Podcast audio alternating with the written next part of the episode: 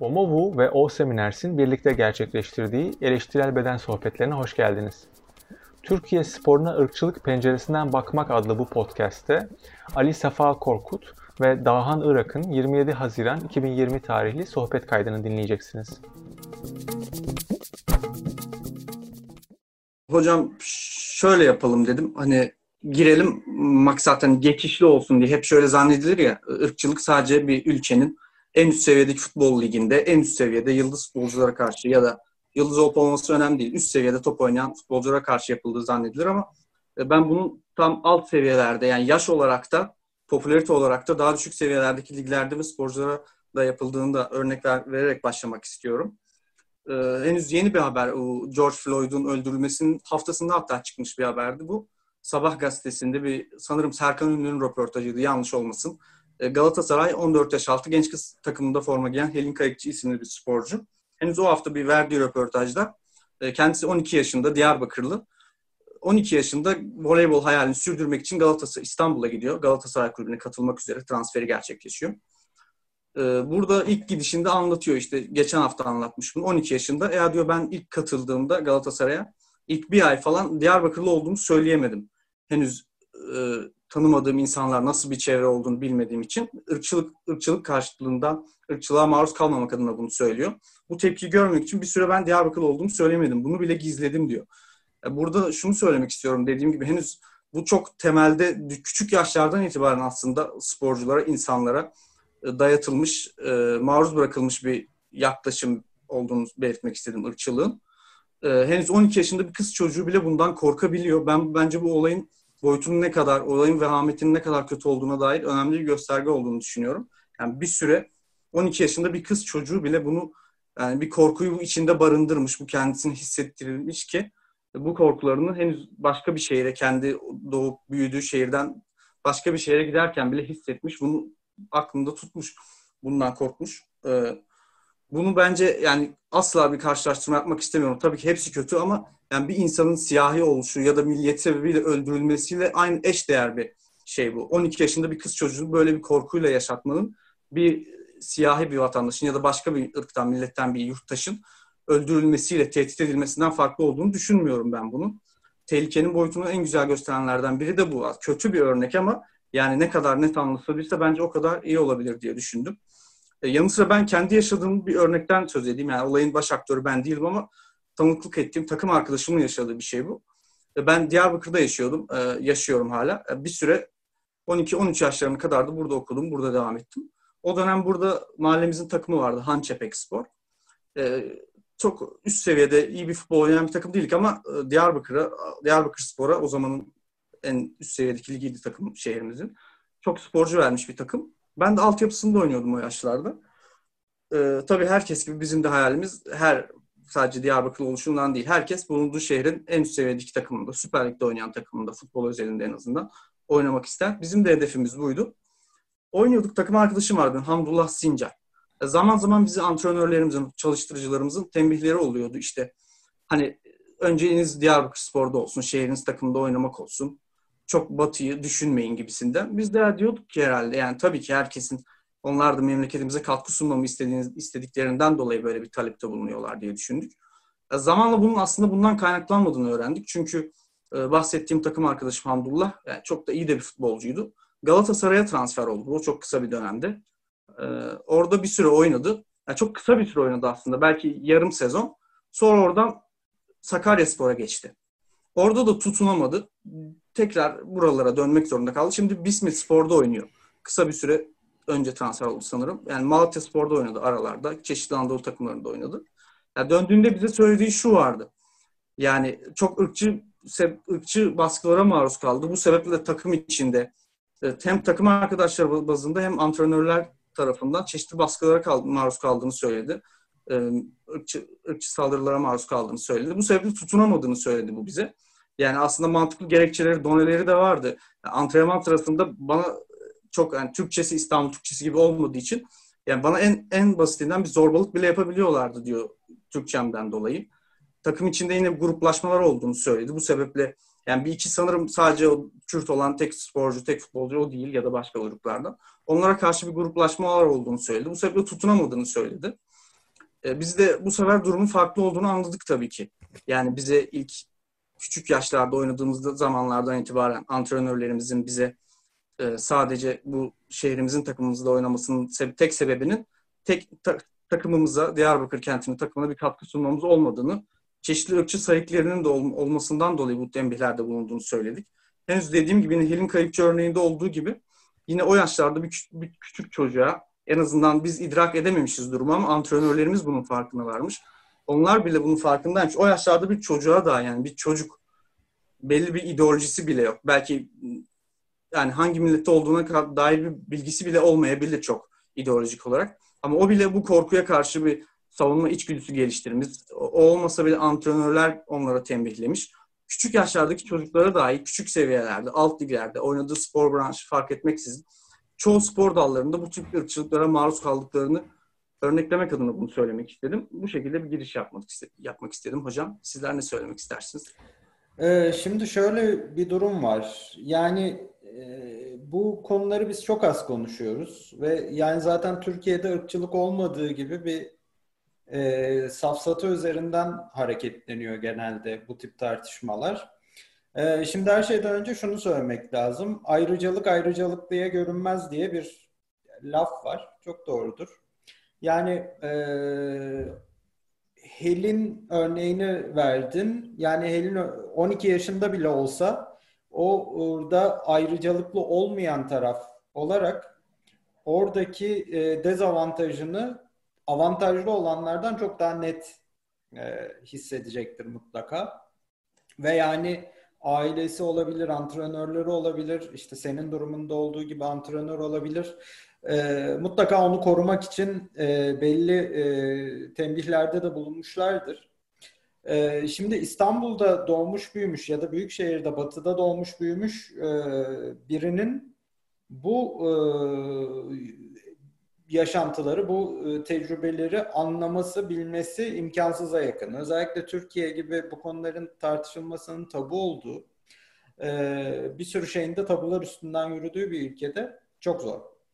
E, yani ırkçılık meselesini ben küresel ölçekte tartışma taraftarıyım bundan sonraki dakikalarda.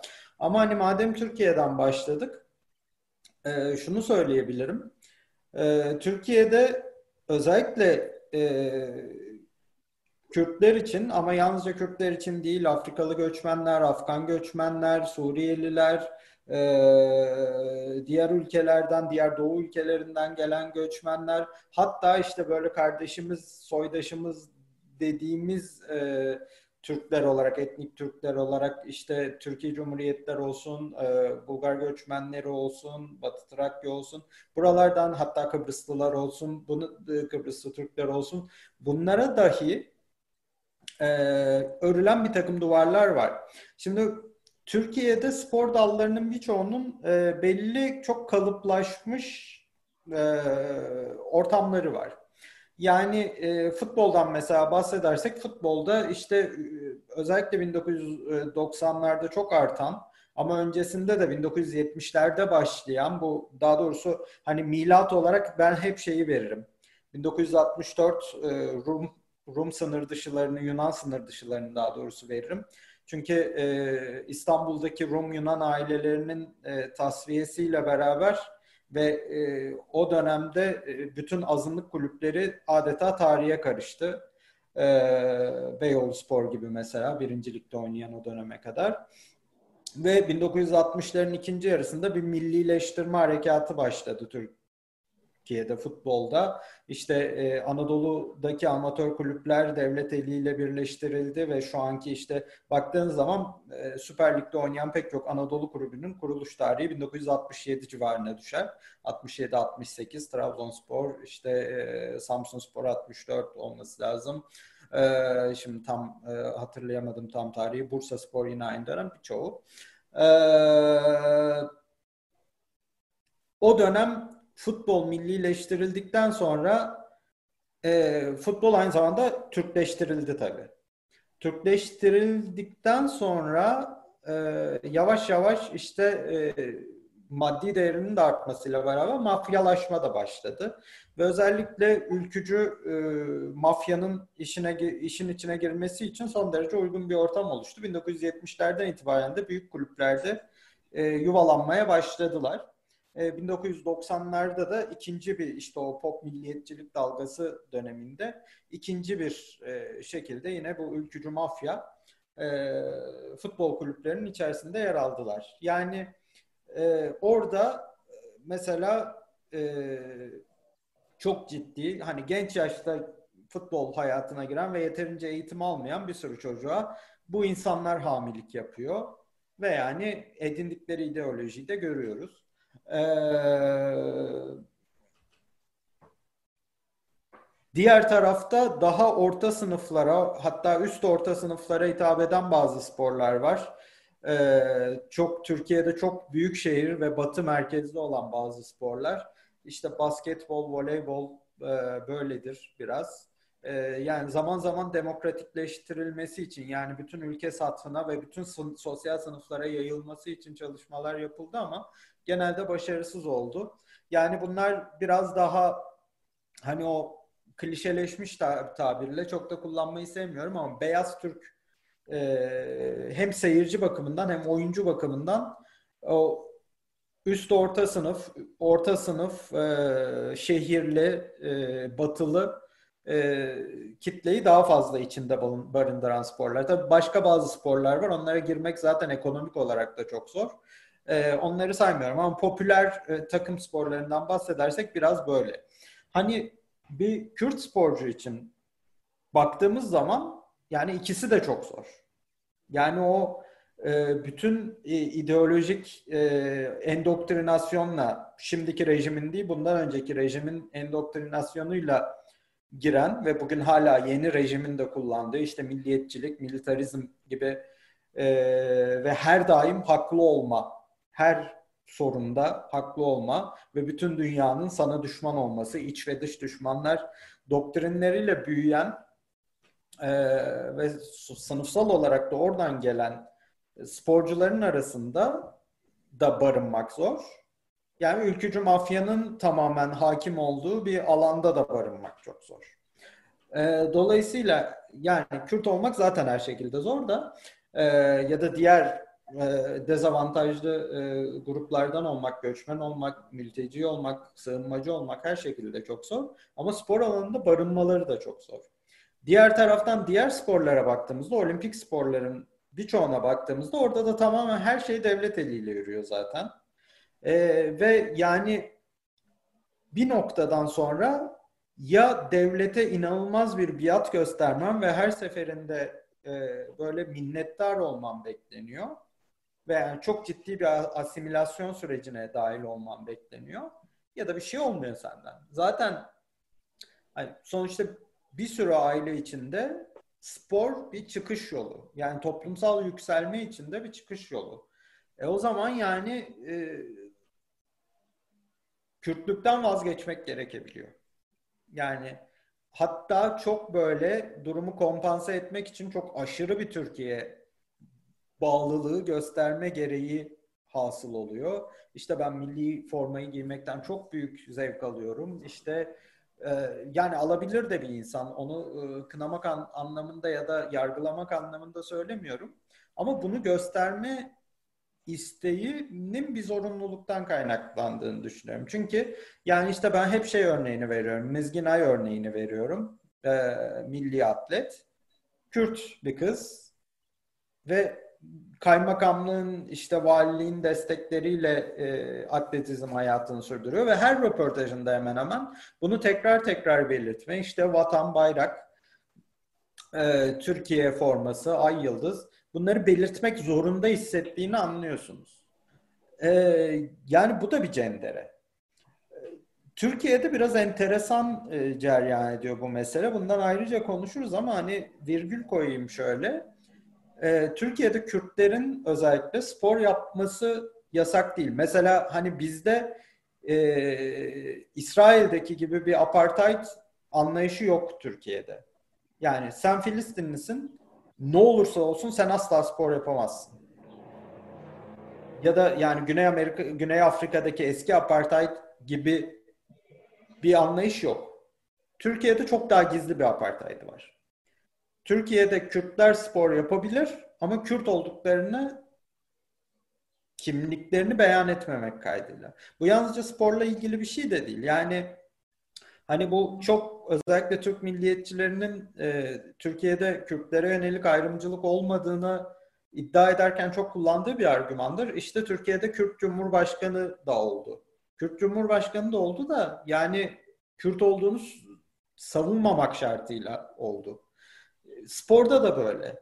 Yani işte hani şeyin e, İsmail Küçükkaya'nın e, şeyde sorduğu e, soruydu sanırım. E, belediye başkanlarının açık oturumunda. Türkiye'ye gönülden bağlı Kürt vatandaşı. Yani Türkiye'ye gönülden bağlı Türk diye bir şey deme ihtiyacı hissetmiyoruz. Çünkü zaten etnik Türkler ülkenin gizli sahipleri. Ama Kesinlikle. Kürtler bizimle eşit vatandaş olamıyorlar nedense. Onların sürekli kanıtlamaları gerekiyor. Yani özellikle yurt dışında yaşayanlar için çok tanıdık bir duygu bu. Göçmen olarak biz de aynı şeyi yaşıyoruz. Ama işte Kürtler göçmen değil. O toprakta yüzlerce yıldır yaşayan insanlar. Ve bu ülkenin de kurucu unsurlarından bir tanesi. Ama yani Kürt Türkiye Cumhuriyeti'ne gönülden bağlı olduğunu baştan bir söylemek zorunda. Sporda da böyle oluyor. Ee, yani sporu diğer alanlardan çok izole etmenin mantıklı olduğunu düşünmüyorum. Ben diğer alanlarda da böyle zaten. O bahsettiğin Helin'in başına gelen şey de yani sen benden çok daha iyi bilirsin. Hayatında Taksim Meydanı'na çıkmış. Her e, Kürt dilinden gelme insanın yaşadığı bir şeydir. Yani Taksim Meydanı'nda çok klasiktir benim çocukluğumdan beri. Tipin Kürt'e benziyorsa, nüfus cüzdanında Dersim yazıyorsa, Diyarbakır yazıyorsa GBT'n alınır. Kesinlikle. E, yani sarışınsan, şeysen hani böyle ya, Kürt, halbuki Kürtlerde de sarışın var ama yani bir stereotip var yani bir profiling yapılmış evet. kafada bir hani yani senle biz yan yana gitsek Taksim Meydanı senin GBT'ni alırlar. Ben Siirtliyim ama benimkini almazlar. Yani e, anne tarafı, şey baba tarafım Siirtli. E, böyle. Yani e, neden açık denliyim çünkü. Ama Türkiye'de ırkçılık yok. Yok tabii. Gerçekten e, yani yaşayan biliyor. Bir evet. de bilmek isteyen biliyor. Türkiye'de yaşamayan yani Türkiye'de bunlar başına gelmeyen insanlar ve bilmek istemeyenler de bilmemeye devam ediyorlar. Yani sporda da böyle, diğer alanlarda da böyle. Ee, kesinlikle hocam çok güzel söylediniz. Ben özellikle şuradan devam etmek istiyorum. Şu devlet destekli olsak olsanız bile aslında yine de bir tepki görebiliyorsunuz. Bunun çok sayıda örnekleri var. Örneğin Diyarbakır Spor'dan örnek verebiliriz yine. Ee, hatırlarsanız lige çıktığı zamanlarda bir Altay maçı var. Ee, yani siyasiler tarafından lige çıkarılmaya çalışıldığı için bir Altay maçında Diyarbakırspor Altay maçında rakip takımın soyunma odasına, Altay'ın soyunma odasına gaz bombaları atıldı. E, stadyumun elektrikleri kesildi, dışarıya çıkarıldı taraftarlar veya teknik ekipten dahi yöneticiler dahi çıkarıldı. Sırf yani Türkiye Cumhuriyeti Devleti tarafından açıkça desteklenen bir takım olsanız dahi bu tepkilere karşılaşabiliyorsunuz. Yine Diyarbakır'daki ve Bursa'daki pek çok Diyarbakır Spor, Bursa Spor maçlarında olaylar çıkmıştır iki takım arasında. Ya ben hatırlıyorum küçükken burada evimizde yakın yürümeyle 15 15 dakika mesafesinde Diyarbakır Stadı'nın etrafı o gün maç günü bir savaş alanı gibi olurdu. Tomalardan, gaz bombalarından, taşlardan, polis coplarından geçilmezdi. Ee, yine e, aynı şekilde dediğiniz gibi Diyarbakır Kürt sporcular Kürt olmadıklarını olduklarını vurgulamamak kaydıyla pek çok rahat bir şekilde aslında spor yapabiliyorlar, futbol oynayabiliyorlar. Ee, Türkiye'de gizli bir ırkçılık var dediğiniz gibi. Kürtler futbol oynayabilir ama dediğiniz gibi Kürt olduğunu gizlemekten de öte aslında Türk Türkiye'li, Türk olduklarını vurgulamak şartıyla. Tabii. E, baktığımız zaman mesela Selçuk Şahin, Burhan Eşer pek çok e, Dersimli kendileri bunlar. Dersimli, Diyarbakır sporcular ama bunları buralı olduklarını vurgulamadık, vurgulamadık, vurguladıkları tek araç sadece memleketlerinin plaka kodlarını forma numaraları olarak giymeleri. Yani hiçbir zaman Selçuk Selçuk Şahin'den Dersimli olduğunu veya oradaki siyasi olaylara, günlük olaylar hakkında yorum yaptığını, aynı şekilde Burhan İşer'in bu tarzda yorumlar yaptığını göremedik. bu şekilde bu sebeple onların da aslında çok mağdur olduklarını söyleyemeyiz. Daha doğrusu gün yüzüne çıktıklarını söyleyemeyiz ya, rakip takımlar tarafından. E, Ali yani o 62'yi giymek bile bir aslında bir yine bir yani aslında bu e, kimliği gösterme isteğini ifade ediyor. Yani tabii ki onların kaybedecek daha fazla şeyleri olduğu için en fazla bu kadar. Yani ama şeyi de görebiliyoruz. Yani e, Selçuk'la Deniz Naki arasındaki farkı da görebiliyoruz. Yani Kesinlikle. belki aynı şeyi düşünüyorlar, belki düşünmüyorlar. O konuda spekülasyon yapamam. Ama açıktan sö- söylenen şeylerin şiddeti arttıkça, daha doğrusu hani görünürlüğü arttıkça e, karşılaşılan tepki de artıyor. Diyarbakır Spor meselesinden bahsettin. Yani bu aslında çok enteresan bir şeyi e, ortaya koyması açısından önemli. E, Diyarbakır batıda yaşayan insan için Diyarbakır eşittir Kürt, Kürt eşittir terörist. Yani bunu kimse kabul etmek istemiyor. Ama yani birçok insanın tabii ki istisnaları vardır. Tabii ki bunları ayırabilen insanlar vardır. Tabii ki bu görüşü şey karşı olan insanlar vardır. Ama yani burada aslında çok hani dünyada şu an olan bitenle çok paralellik kurabileceğimiz bir şeye e, gidiyor iş. Yani Amerika'da beyazın siyah bakışıyla Türkiye'de batılının Kürt'e bakışı çok birbirinden farklı değil. Yani şu an Black Lives Matter protestolarına katılan birçok beyaz bile içten içe siyahlara karşı ön yargılı.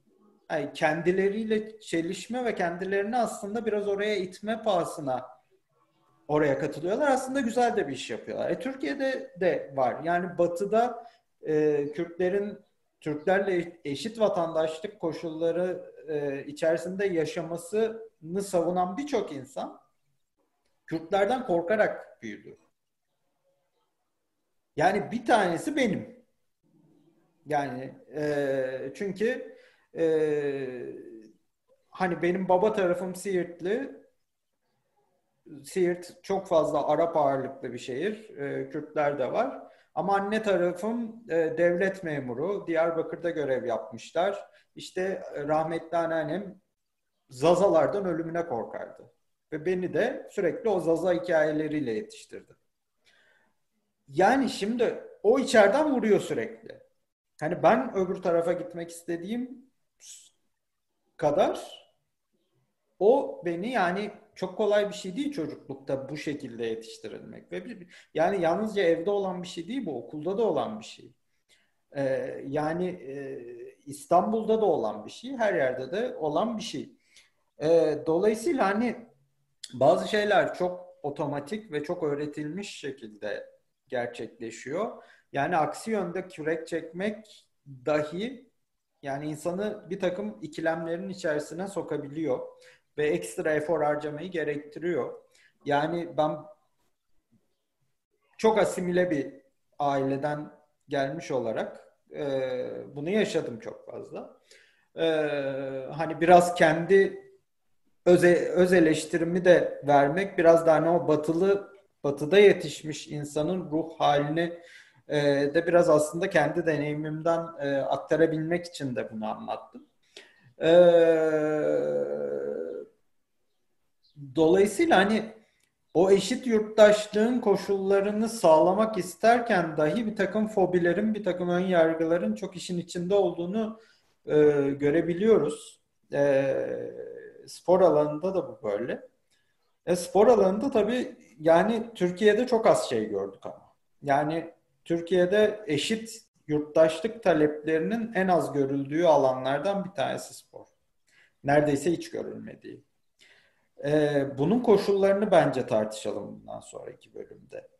Yani ben e, biraz lafı uzatacağım ama sana da pas atmak Yok, istiyorum. E, biraz şeye getirmek istiyorum meseleyi. Bu şu anki Black Lives Matter protestoları Amerika'daki ve yani bu diz çökme eyleminin bundan 4 sene önce Colin Kaepernick'in başlattığı diz çökme eyleminin şu an nasıl 4 senede nasıl geri geldiğini. Ee, ya şimdi temel mesele şu. Yani Colin Kaepernick bir Amerikan futbol oyuncusu. Bayağı da başarılı bir oyuncu. Üst düzey bir oyuncu. e, milli maç sırasında diz çöküyor ve polisin siyahlara ve genel olarak Amerika'da siyahlara eşit yurttaşlık haklarının tanınmamasını protesto ettiğiyle e, ilgili bu. E, Colin Kaepernick'i gizli olarak boykot ediyorlar ve 4 sene hiçbir takımda oynayamıyor. O protestoya katılan pek çok oyuncu da şu an boşta. E, ve işte protesto bir şekilde sulandırılıyor vesaire. Kol kola girmeye çevriliyor bilmem ne lig tarafından ve bastırılıyor. Dört sene sonra geri geliyor ve şu anki protestolarda sık sık gördüğümüz bir şeye dönüşüyor ve artık mesela Amerikan başkanının da bütün engelleme çabalarına rağmen ligler bütün yasakları kaldırdı bu protestoyla ilgili. Şimdi burada çok önemli bir noktayı atlıyoruz. Sporcular tamam az önce açıkladım işte ee, yani Türkiye'de zaten hani birçok şeyi bilmiyorlar ve girdikleri ortamlar çok ya çok e, milliyetçi muhafazakar ortamlar ya da işte e, yine çok mil, milli, milliyetçi militarist ortamlar. E, bundan dolayı yani zaten bir spor içerisinde de bir endoktrinasyon dönüyor. Bir beyin yıkama hali oluyor. Ama onun dışında zaten sporcunun bazı şeyleri düzgün düşünebilme yeteneği olsa dahi bunu açıklayabilecek bir failliği yok. Yani sporcu kendini siyasetin içerisinde siyasi bir e, duruş sergileyebilecek, tavır koyabilecek bir şekilde hissetmiyor. E, ve bana düşmez duygusuna giriyor. Halbuki hani her vatandaş gibi onun da siyasi görüşünü açıklama hakkı var. Ama sporcu dediğin siyaset yapmaz. Böyle bir e, safsata var. Halbuki spor toplumsal olan her şey gibi politik bir şeydir. Yani Amerika'da da bu vardı. Colin Kaepernick bu protestoyu yaptığı zaman e, özellikle Amerika'da e, sağcılar sporculara tepki veren sağ, sporculara sen sporuna bak, stick to sports, işte top sürmene bak, e, senden görüş alacak değiliz vesaire. Mesela LeBron James'e çok yaptılar bunu. Hani bu şekilde sindirmeye ve onların siyasete katılma e, haklarını gasp etmeye çalıştılar. Büyük oranda da başarılı oldular. Şimdi şimdi o değişiyor Amerika'da. Türkiye'de öyle bir dönüşüm yaşamadık biz. Türkiye'de de spora siyaset karıştırmama diye bir safsata var. Ya şunu söylemek lazım. Spor siyasi bir şeydir. Yani sporun, modern sporun ortaya çıktığı ilk günden itibaren siyasi olmadığı, sınıfsal olmadığı, toplumsal olmadığı herhangi bir gün yok. Olması da beklenemez. Eşyanın tabiatı gereği bu kadar toplumsal bir faaliyet siyasi olmak durumundadır. Yani iki kişi bir araya gelip birlik kurduğunda o ligin nasıl yönetileceğini tartışmaya başladıklarında siyaset yapılmaya başlanmıştır. Kesinlikle. Yani şunu söylemeye çalışıyorlar. İşte siyasetçilerin spora doğrudan müdahalesi olmasın. E, yani doğrudan ya da doğrudan değil. Egemen bloğun zaten spora müdahalesi var. Sporun ne şekilde yapılacağını onlar belirliyor. Yani siyaset, spora siyaset karışmayacaksa e, o zaman spor bakanlığını kapatalım ilk iş. Yani hem federasyon mantığıyla hareket ediyorsun hem spor bakanlığı, spor genel müdürlüğü mantığıyla hareket ediyorsun hem spora siyaset karışmasın. E bu ne demek? Yani spora bu kurumlar üzerinden yön verilsin ama sporcular ya da taraftarlar ya da teknik direktörler ağızlarını açmasınlar. E işte bunun e, nereye vardığını şeyde gördük. Bu Covid krizinde gördük. Zorla şu an köle gibi top oynattırılıyor Kesinlikle. sporculara ve bunlar hani milyon dolar kazanan insanlar. Ağızlarını açamıyorlar çünkü ağızlarını açmamaları öğretilmiş. Ve yani içeriden aldığımız bilgiler hiçbirinin oynamak istemediği yönünde. Ve işte gördük Beşiktaş'ta iki tane oyuncu çıktı işte en son. Ve yani korkudan onların adını bile açıklayamıyorlar. Aynen öyle. Yani spora sporun siyasi bir alan olduğu ve bütün diğer alanlardaki mücadelelerin sporda da verilebileceğini kabul etmeden spor içinden bizim o egemen bloğun dayattığı şeylere karşı çıkılmasını beklememize imkan yok.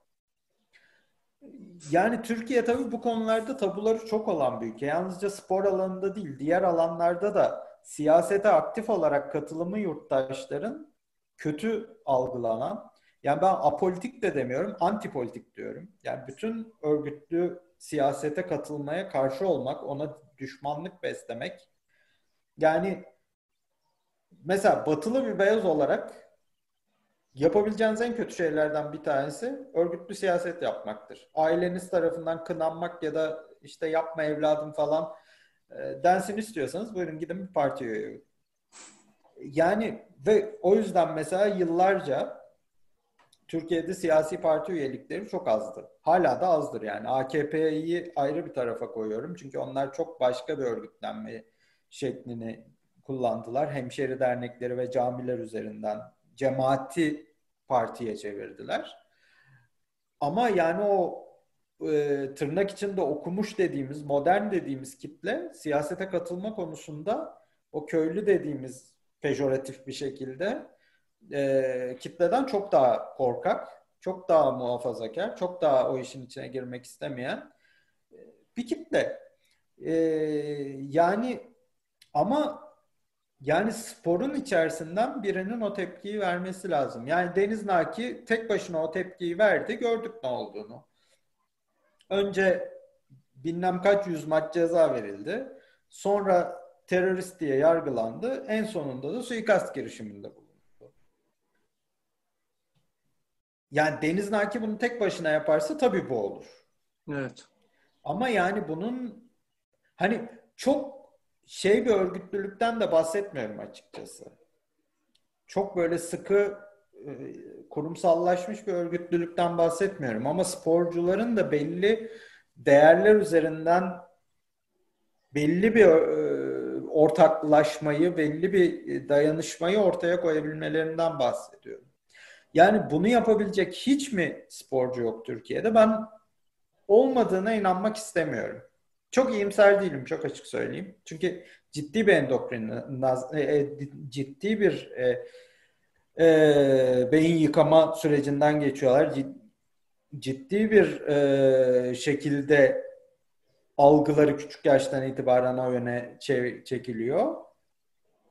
Ama yine de yani insanın doğruyu bulma yeteneğine biraz daha fazla inanmak istiyorum açıkçası. Ee, ama tabii yani şu önce bu sporcuların hiçbir şekilde siyasete karışmaması safsatasının ortadan bir kalkması lazım. Yani bunu şeyi de bilerek söylüyorum açıkçası. Yani Türkiye'de sporcular siyasi görüşlerini açıklamaya başladığında büyük ihtimalle yani yüzde seksen falan çok milliyetçi çıkacak en az. Kesinlikle. Ama yani bazı şeyler açık olsun artık. Yani bazı değerleri spor içerisinden savunabilelim.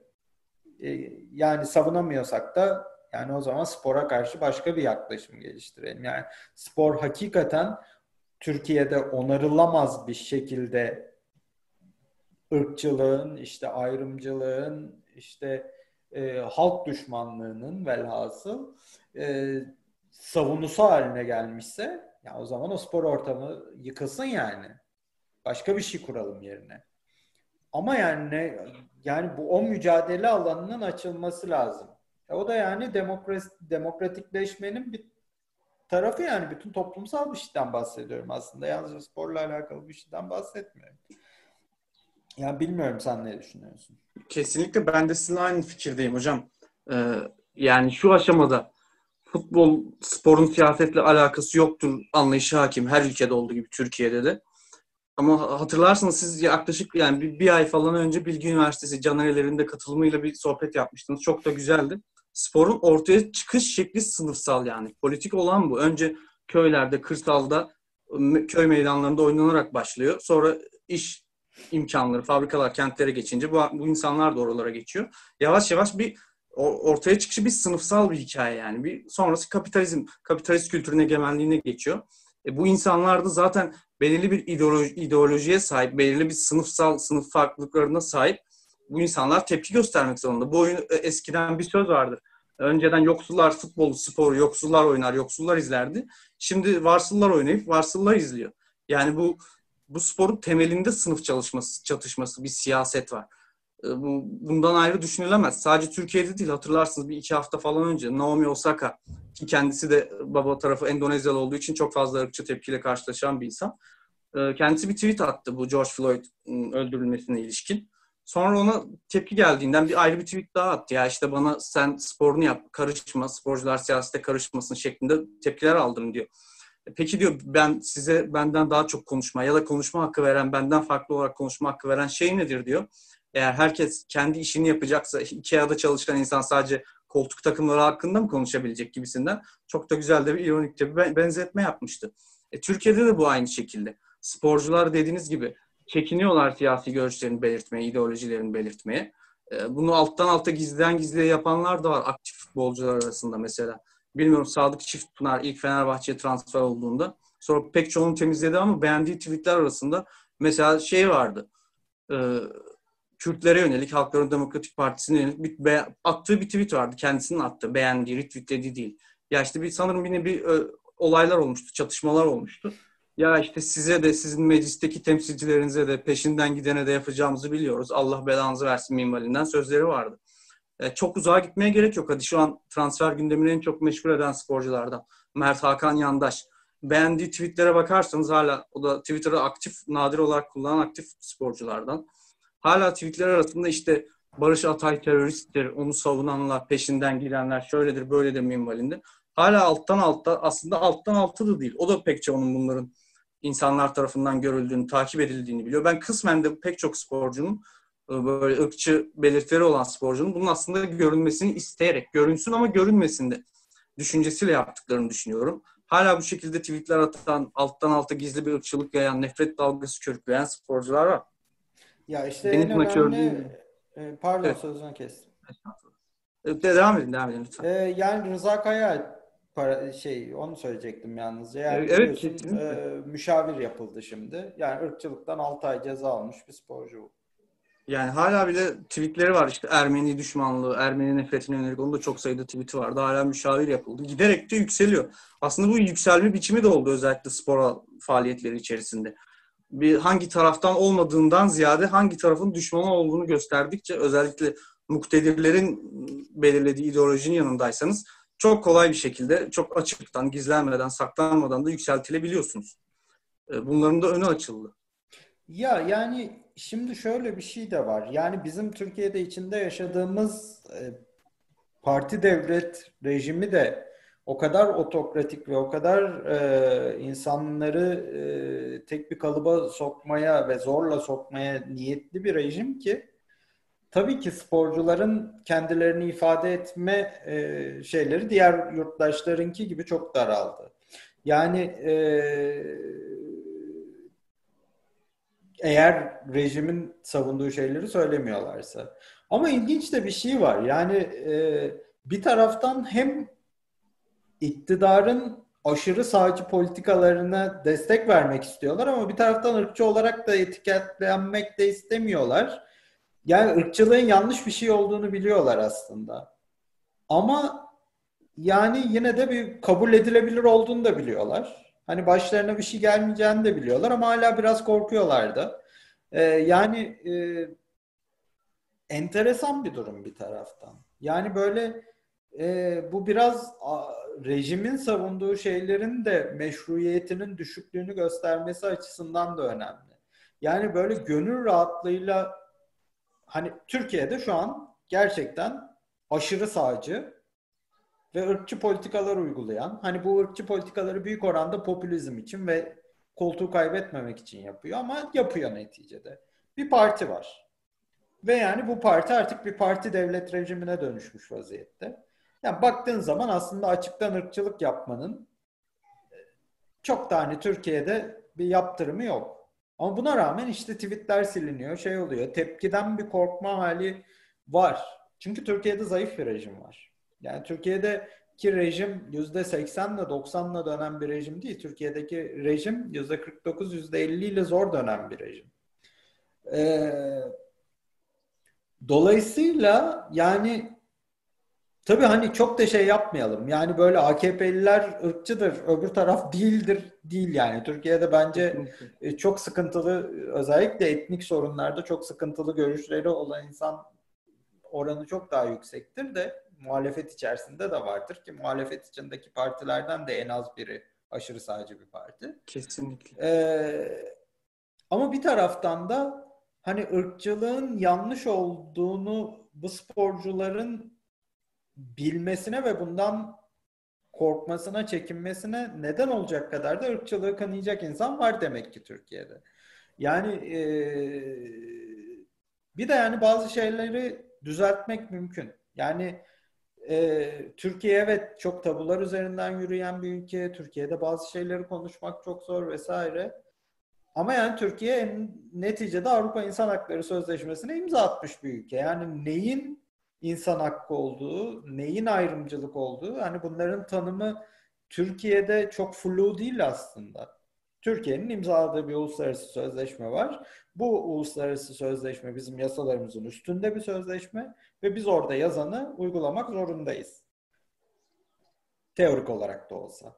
Yani aslında ırkçılığın yanlış bir şey olduğunu, ayrımcılık yapılamayacağını hani çok da aslında Amerika'yı keşfeder gibi yeniden öğretmemiz gerekmiyor. Zaten Türkiye hani ırkçılığı hiç duymamış falan bir ülke değil. Yani ırkçılık diye bir şey olduğu, bunun kötü bir şey olduğu biliniyor. Yani aslında zararın bir yerinden dönmek için ben hala bir umut olduğunu düşünüyorum. Zor olacak, uzun olacak ama ve sporcuların da aslında bu noktada çok büyük rol oynayabileceğini düşünüyorum.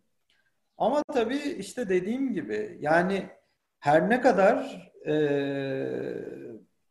bu böyle bir görev alacak, böyle bir hani insan haklarından yana, eşit yurttaşlıktan yana ağzını açabilecek sporcular olsa dahi yani bu sporcuların kulüp başkanı var, federasyon başkanı var, spor genel müdürü var. Bunların hepsi üstüne çullanacak.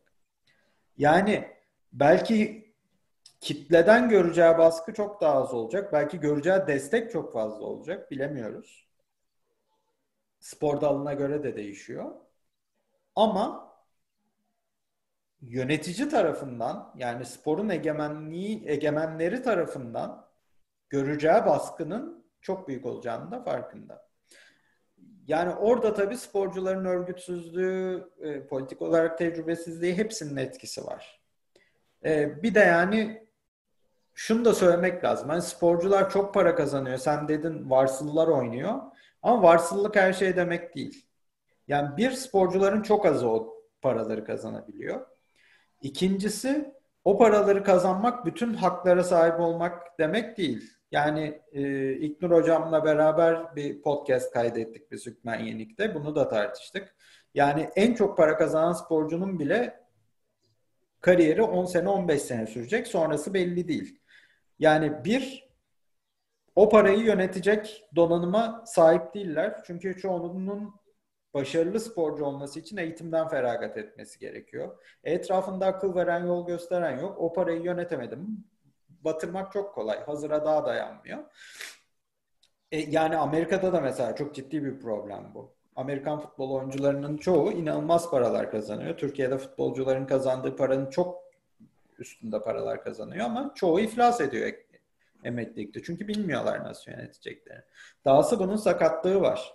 Emekliliği var. Özlük haklarının çok e, kötü yönetilmesi var. E, sendikanın olmayışı var. Var oğlu var. Yani sporcu da bir noktada ücretli köle olarak görülen bir varlık. Yani sporcunun sen topuna bak dediği zaman o taraftarın ya da yöneticinin sen topuna bak derken söylediği şeyin bir alt metni, alt metni var. Yani sen yalnızca senin de söylediğin gibi sen yalnızca o işi yaptığın sürece varsın. O işi yapmadığın an senin hayatta hiçbir değerin yok. En altında altındasın. Yani bir kere bu sporcuların kendi manevi şahs, şahıslarına çok büyük bir hakaret. Yani sporcuların her şeyden önce buna direnmeleri gerekir.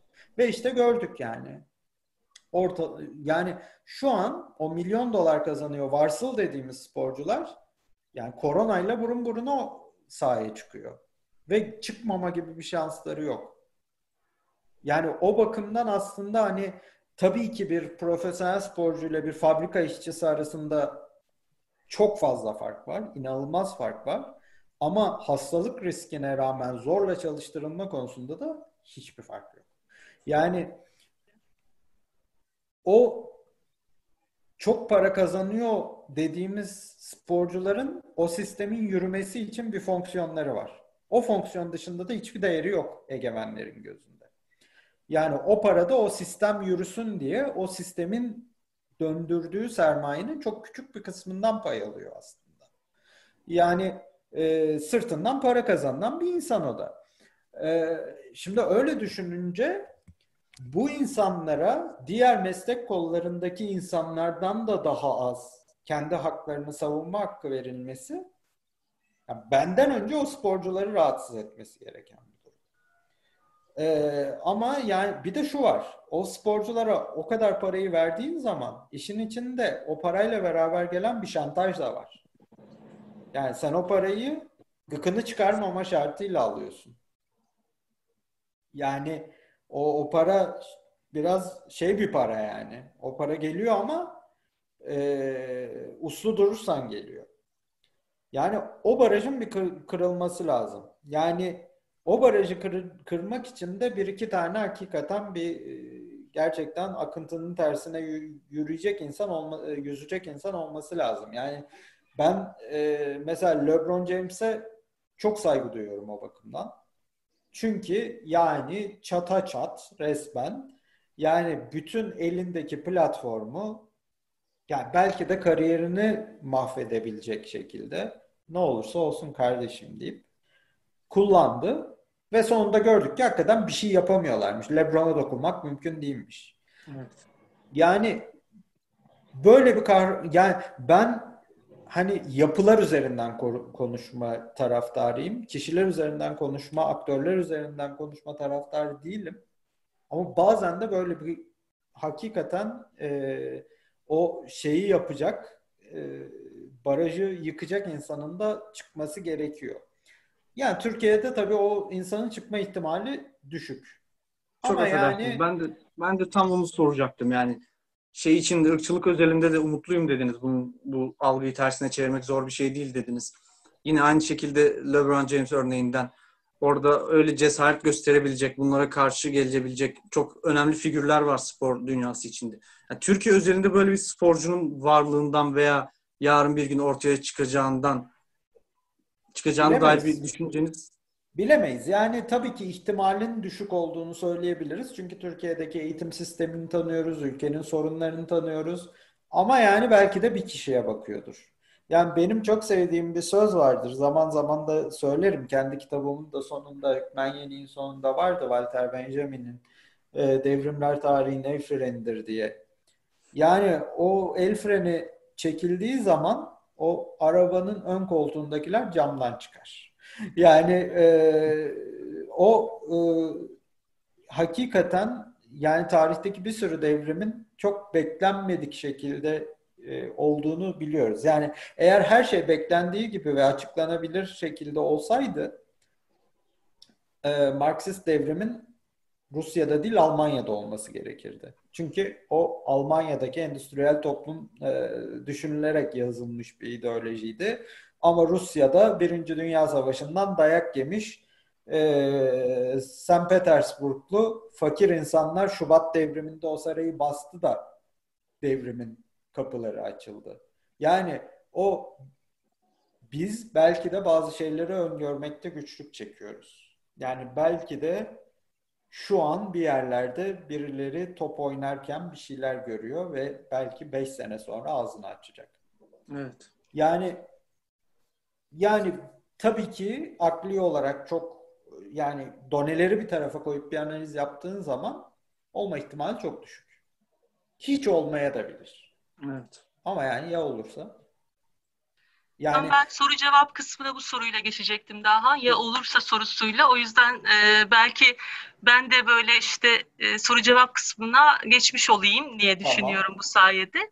Ya olursa sorusu bence önemli çünkü bu çekinmenin nedeninden bahsettik ya. Yani aslında sporcuyu siyasete karıştırmamaktaki bu uğraş bir taraftan işte ya olursa sorusundan kaynaklanıyor gibi değil mi? Çünkü Tabii. çok etkili bir yandan da sporcu kitleler üzerinde. Yani onun söylediği söz hem tarihsel olarak kalıcı hem de e, kitleleri hareket ettirme gücüne sahip. Tabii. Yani tabii ki o ya olursanın önü alındığına göre bir gücü var orada. Yani bu kadar defansif. Yani spor Türkiye Türkiye'de ve dünyada sporun egemenleri çok güçlüler ama sürekli de çok defansifler. Yani korktukları bir şey var ve olma ihtimalinin düşüklüğüne rağmen var. Yani o zaman demek ki o kadar da kötümser olmamak lazım. Yani biri bir gün bir şey der ve toplum değişir. Yani e, hani birebir Türkiye-Amerika karşılaştırması yapamayız. Bütün değişkenler çok farklı birbirinden. Ama yani Colin Kaepernick diz çöktü. Adamı ligden attılar. Kimse de ve yani kariyerini bitirdiler. Ama 4 sene sonra polis memurları bile diz çöktü. Belki zorunda kalarak. Yani o yani gerçekten bazen bir yere tohum atıyorsun ve oradan bir şey çıkıyor. Yalnızca koşullarının gerçekleşmesi, yalnızca o işin diyalektiğinin oraya varması gerekiyor. Ee, yani bunların bazılarını öngörebiliyoruz, bazılarını öngöremiyoruz. Ee, o yüzden ben diyemem olur ya da olmaz. Ama ya olursanın gücünün olmasın diyenlerin olsun diyenlerden daha çok farkında olduğunu düşünüyorum. Çünkü yani olmamasını isteyenler bizim umut ettiğimizden daha çok korkuyorlar bundan. Peki diğer soruları alalım. Ali ve Dahan için var mı? Ee, ve kameranızı açabilirsiniz e, soru sırasında. Burada küçük bir grubuz şu anda. Ee, selamlar. Ee, sesim geliyor sanırım. Ben bir soru sormak istiyordum. Kameramı açmadım çünkü e, internet kalitem biraz kötü. Tamam. tamam. Kesilir diye korkuyorum. Ee, şeyi sormak istiyordum ben. Hani bu görünmez ırkçılık daha önce siz de bahsettiniz. E, aslında bir taraftan e, ırkçılığın farkında olup diğer taraftan da böyle çok tedbirli ırkçılık veya engelleme e, şeyleri davranışları da sürekli devam ediyor. Birbiriyle çelişkili olarak yani sosyal medyada e, vesaire görüyoruz. Ben bunun buna benzer e, hani farklı örnekler var mı onları e, aslında biraz sormak istiyordum her ikinize de hem Ali Safa ve hem de size olabilir. Hani örnek olarak da şunu sorabilirim. Sesim geliyor mu bu arada? Geliyor, geliyor. Ha, harika, tamam. Ee, şeyi sormak istiyordum. Ben de basketbol antrenörlüğü e, yaparken e, bir şey duymuştum. Özellikle İstanbul'daki basketbol kulüplerinin ve e, işte milli basketbol milli takımının e, işte Kürt illerine gidip oralarda mesela seçmeler yapmadığını çünkü oradaki işte Kürt çocuklarını işte yeterli beslenmeyen e, işte bu sebeple de kısa ve güdük kalan e, hani bireyler e, çocuklar olarak etik, etiketleyip oralardan uzak durduğunu vesaire öğrenmiştim. Hani buna benzer hani Diyarbakır'da veya farklı yerlerde buna benzer böyle hani doğrudan olmayan ama kendi içinde böyle bir sistematik ırkçılık, e, görünmez ırkçılık e, veya saklanan ırkçılık özellikleri, örnekleri var mı? Aslında bunu biraz e, sormak istiyordum. Sizin şahit olduğunuz veya bu süreç içerisinde hani e, e, gördüğümüz. Bir de şeyle alakalı da yani çok kısa olarak bu hani profesyonel futbolcuların, Kürt futbolcuların e, şeyleriyle alakalı yani bir tepki gösterme yaşanan ırkçılığa veya işte baskıya karşı tepki gösterme dediğiniz gibi yani çok ciddi bir asimilasyon politikaları e, çok uzun zamandır sürüyor ve çoğu Kürt de aslında neredeyse bunu e, içselleştirmiş de e, durumda. Ben biraz da bu sebeple bunun biraz hani futbolcuların bu ırkçılığa tepki gösterme ihtimalinin de biraz e, düşük olduğunu zannediyorum ve biraz da alttan yani Kürtlerin kendi kimlikleriyle ve e, o onurlu e, yaşama sahip olmalarının yani daha doğrusu o şekilde yaşamalarını biraz kendileriyle barışık, kendi kimlikleriyle başarı e, barışık olmaları, olmalarıyla biraz alakalı olabileceğini, hani daha başarılabileceğini düşünüyorum. Belki bunun için de bir alttan futbol kulüpleri, özellikle Kürt illerindeki Ahmet Spor gibi e, kulüplerin yapacağı e, çalışmalar, e, bu onurlu yaşamla e, alakalı yapabileceği çalışmalar belki hani etkili olabilir mi acaba diye biraz soruya da döndürerek sorayım. Teşekkür ederim. Ee, ilk kısma e, Ali Safa sen cevap ver istersen. Senin sağ tecrüben benimkinden çok daha fazladır.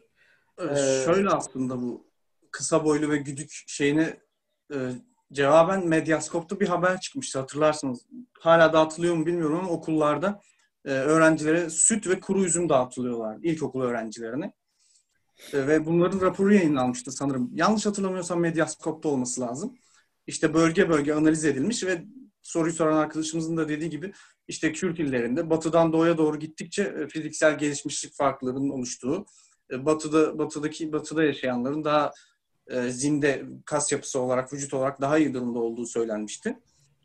Doğuda da tam aksine spor faaliyetleri içerisinde de ben aslında böyle bir şey duymadım ama yani çok fazla çok bize göre çok abes nedenlerle filtreleme yaparak sırf ırkçılığını aslında milliyetini milliyet sebebiyle bahane ediyorlar, milliyetini bahane ediyorlar ama çok buna çok gerekçe olarak çok saçma gerekçeler sunuyorlar. Ya bunun da yapılmış olabileceğini bana çok garip gelmiyor yani. Mutlaka olmuştur ama tabii ki varsayımlar üzerinden konuşmakta ne kadar doğru olur tartışılır. Ya şimdi e, böyle bir durum varsa dahi var olduğunu farz edelim. E, yani bu Türkiye'deki bazı sistemsel sorunların olduğunu ortaya çıkarır. Eşit hizmetlerin götürülmediğini, e, eşit e, kaynakların eşit dağıtılmadığını, toplumsal adaletsizliği gösterir. Ve yani spor kulüpleri de yani bunu azaltmanın paydaşı olmak durumunda. Yani e, bu toplumdan para kazanarak hayatını sürdüren bu kulüplerin ki birçoğu e, kamu yararına dernek statüsündedir vergi imtiyazlarına sahip olmak için. Yani Beşiktaş'ı, Galatasaray'ı, Fenerbahçe'si hatta yani e, işte Gençler Birliği'ne kadar. E, o zaman o yasanın e, o yasayla kendilerine tanınan o imtiyazın hakkını vermeleri, Türkiye'deki insanların e, yaşam koşullarını, yaşam kalitelerini arttırmaları, arttırmak için bir şeyler yapmaları gerekir. Ve spor kulüplerini de bundan sorumlu tutmak gerekir. Ee, diğer taraftan tabii ki yalnızca e, kulüplerin e, omzuna düşmez büyük. Daha çok federasyonların ve spor genel müdürlüğünün üstüne düşer. Yani o zaman daha iyi beslenebilmeleri için e, Kürt illerindeki çocukların programlar geliştirilsin sporla ilgili daha erken spora e, yönelmeleri için programlar yapılsın. Yani velev ki yakın zamanda bir çözüm bulunamıyor. E, o zaman başka bir spor politikası programlaması yapılsın. Kısa vadede e, oradaki e, potansiyeli en çabuk şekilde nasıl aktive edilebileceği düşünülsün. Yani evet basketbol yani özelinde çok uzun boylu olmak gerektiren ya da uzayabilme kapasitesi gerektiren bir spor. Ama yani her sporda öyle değil. Ee, diğer sporlarda öyle bir çaba varmış da bir tek basketbolda yokmuş gibi davranmanın da anlamı yok. Yani oradaki e, yani tabii ki basketbol için çok e, özel bir koşuldur o ama Yani hangi diğer sporda bu yönde bir çaba var ben bilmiyorum. Bir tek hani çim okeyini biliyorum. Gaziantep'in pilot bölge olarak seçildiğini belki bir iki örnek daha vardır. Ee, o da yani Gaziantep tam böyle arada kalan Akdeniz'den e, Güneydoğu'ya geçerken tam arada kalan bir il. Ee, ama yani çok şey yapılabilir. Yani o şeylerin yapılmıyor olması başlı başına ırkçılık zaten. Diğer taraftan hani şunu da söylemek isterim. E, yani bir takım insanlar bir takım şeyleri içgüdüsel olarak yapıyorlar. Ama bir takım insanlar yine aynı insanlar da olabilir. Irkçılığın ne olduğuna dahil ve neyin ırkçılık olduğuna dair yeterince eğitime de sahip değiller. Yani antrenörler için konuşuyorum. Yani bir antrenör bir eğitimci olarak bakıyorum ben. Bir eğitimci tabii ki e, yani ideal olarak en azından çocuklarla çalışan, gençlerle çalışan bir insan olarak hepsine aynı gözle bakmak gerektiğini bilir. Çoğu da aynı gözle bakar diye umut ediyorum. Ve sahada da örneklerini gördüm. Yani mesela e, ben çok kısa bir süre Danone Kupası organizasyonunda çalışmıştım 2000'lerin ortalarında. Yani mesela Van'ın çok muhafazakar mahallelerinden bir tanesinde beden eğitimi öğretmeninin e, futbol takımına dahil olmak isteyen iki tane kız çocuğunun kalbini kırmamak için onları takıma dahil ettiğini ve sonrasında onlarca kızın e, futbol oynamak için ona geldiğini biliyorum. Yani Şırnak'ta vardı böyle bir hocamız. Ee, mesela Şırnak'ta şunu gördüm. Danone Kupası organizasyonunda o yıl Milli Eğitim Bakanlığı her Milli Eğitim Bakanlığı ile ortak yapılan bir turnuva 10-12 yaş grubu için. Her takımda iki kız oyuncu bulundurma zorunluluğu getirmişti. Yani artık düzenlenmiyor sanırım o organizasyon. Ee, iki kız çocuğunu genelde su taşıtmak, işte böyle vesaire e, getir götür işleri için kullandı çoğu takım. Ya da bazı takımlar müdürün kızını yazdırdı, rapor aldı getirmedi bilmem ne. Şırnak'ta bir hocamız e, iki çocuğu da oynattı. Ve ısrarla oynattı ve ben diğer çocukların velilerinin tribünden o hocaya küfrettiğini duydum. Çıkar şu kızı takımdan diye. Ve çıkarmadı. Yani böyle insanlar da var. Yani ve biz böyle insanların varlığıyla umutlanmak durumundayız. Dolayısıyla hani ben antrenörlerin eğitimciliğine dair umutlarım var. Yani belki neyin ne olduğunu çok el yordamıyla biliyor olabilirler. Hiç bilmiyor da olabilirler. Ama ben öğretilebilir olduğunu düşünüyorum. Çünkü onların iş tanımıyla birebir uyumlu bir şey. Ve yani mesela şeyin örneği çok güzel bir örnekti. Giovanni Guidetti'nin voleybol kadın milli takımı antrenörünün Doğu illerinde klinik yapması, e, atölye düzenlemesi, oradaki çocukları voleybolla tanıştırması ve yani İtalya'dan gelen bir adamın gördüğü gibi görmemiz gerekiyor belki bizim Türkiye'deki çocukları. Yani çünkü onun için Elazığlı'da bir, İstanbul'da bir, Diyarbakırlı'da bir.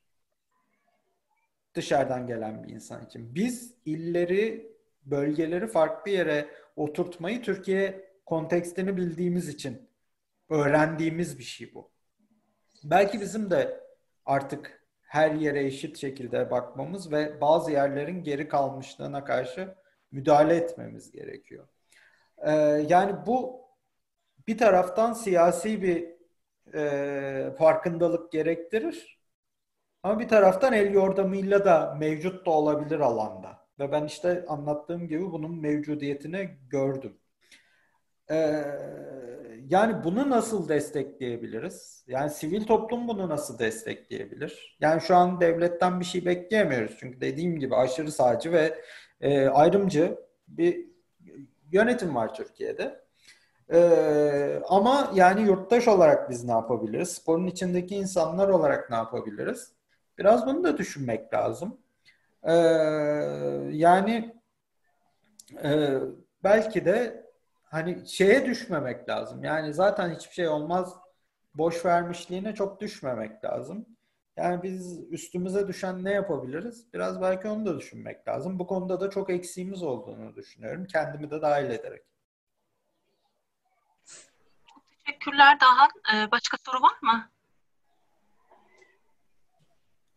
E, son söylediğin şeyin ben gerçekten çok önemli olduğunu da düşünüyorum. Yani e, biz aslında bugüne kadar antrenör eğitimleri planlandığında ya da e, farklı eğiticilerin eğitimi planlamalarında bu konuyla yeterince ilgilenmedik. BAMAVU belki de e, bu konuda ilk çalışmaları yapan e, gruplardan biri. Bunun çok önemli olduğunu düşünüyorum. Yani ırksallaştırmayla ilgili, ırkçılık ve sporla ilgili eğitimlerin antrenör eğitimlerine dahil edilmesinin mümkün olabileceğini de düşünüyorum açıkçası. Ve buna ilişkin çalışmak da önemli bence de. Çok teşekkür ederim o katkın için de. Başka sorumuz yoksa Ali var mı ekleyeceğiniz bir şey? Yani aslında çok bence değerli toplu güzel bir sohbet oldu Dağhan Hocam'ın da büyük katkısıyla. Evet ben de çok teşekkür ederim ikinize de. Teşekkür ederiz. Siz bize de bu imkanı sağladığınız için bir platform açtığınız için ayrıca teşekkür ederim hocam. Daha? Ee, ben de çok teşekkür ederim. Yani dediğim gibi yani Türkiye'yi hepimiz üç aşağı beş yukarı tanıyoruz ve yani Türkiye insanı kötümserleştirebilen bir ülke. Ama yani benim biraz Türkiye'de uzun süredir yaşamayarak yaşamamaktan da kaynaklı bir yani geliştirdiğim yakın zamanda öğrendiğim bir şey var. Yani Türkiye insanı şaşırtma kapasitesine çok sahip bir ülke bir taraftan. Yani genç olduğu için olabilir, e, daha e, toplumsal dinamiklerin daha hızlı e, geliş, değiştiği bir ülke olduğu için olabilir. Yani bazen kendimi şey derken bulabiliyorum. Yani Türkiye'de olan bazı şeyler Batı Avrupa'da benim yaşadığım yerlerde olsa bu ülkeler buradan 100 sene çıkamayabilir. Çünkü toplum çok yavaş değişiyor ani tepkiler asla verilmiyor ve o refleksler, o tarihin el freni dediğimiz devrimin olmaması için her şey var. Türkiye pek öyle bir ülke değil. Türkiye yani bu kadar şey yaşayıp hala bir şekilde birbirimizi kesmeden çok fazla tabii ki bir miktar yani çok da gül, yani siniri bozuldu insanın ama yani gerçekten hakikaten Türkiye'nin tarihi içerisinde e, çok daha kötü yerlere varabileceğini düşünüyorum. E, o yüzden de hala kardeşçe bir arada ve eşit ve adaletli bir şekilde yaşama umudunu koruyabileceğimizi düşünüyorum. Sporun da bu yönde bir katkı verebileceğini umut ediyorum. Hı hı. Ee, yani zaten hani hala ağzımızı açıp bir şey söylüyorsak herhalde o umuttandır. Ee, ama bir şeyler de yapmak gerekiyor. Yani e, ne yapabiliriz? Belki ilerleyen süreçte onları tartışmak lazım. Çok teşekkür ediyorum. Yani bu hani e, bu vesileyle hani hepimiz de biraz e, belki düşünmüş olduk. Ben de dahil olmak üzere. Teşekkür ediyorum bu imkan için.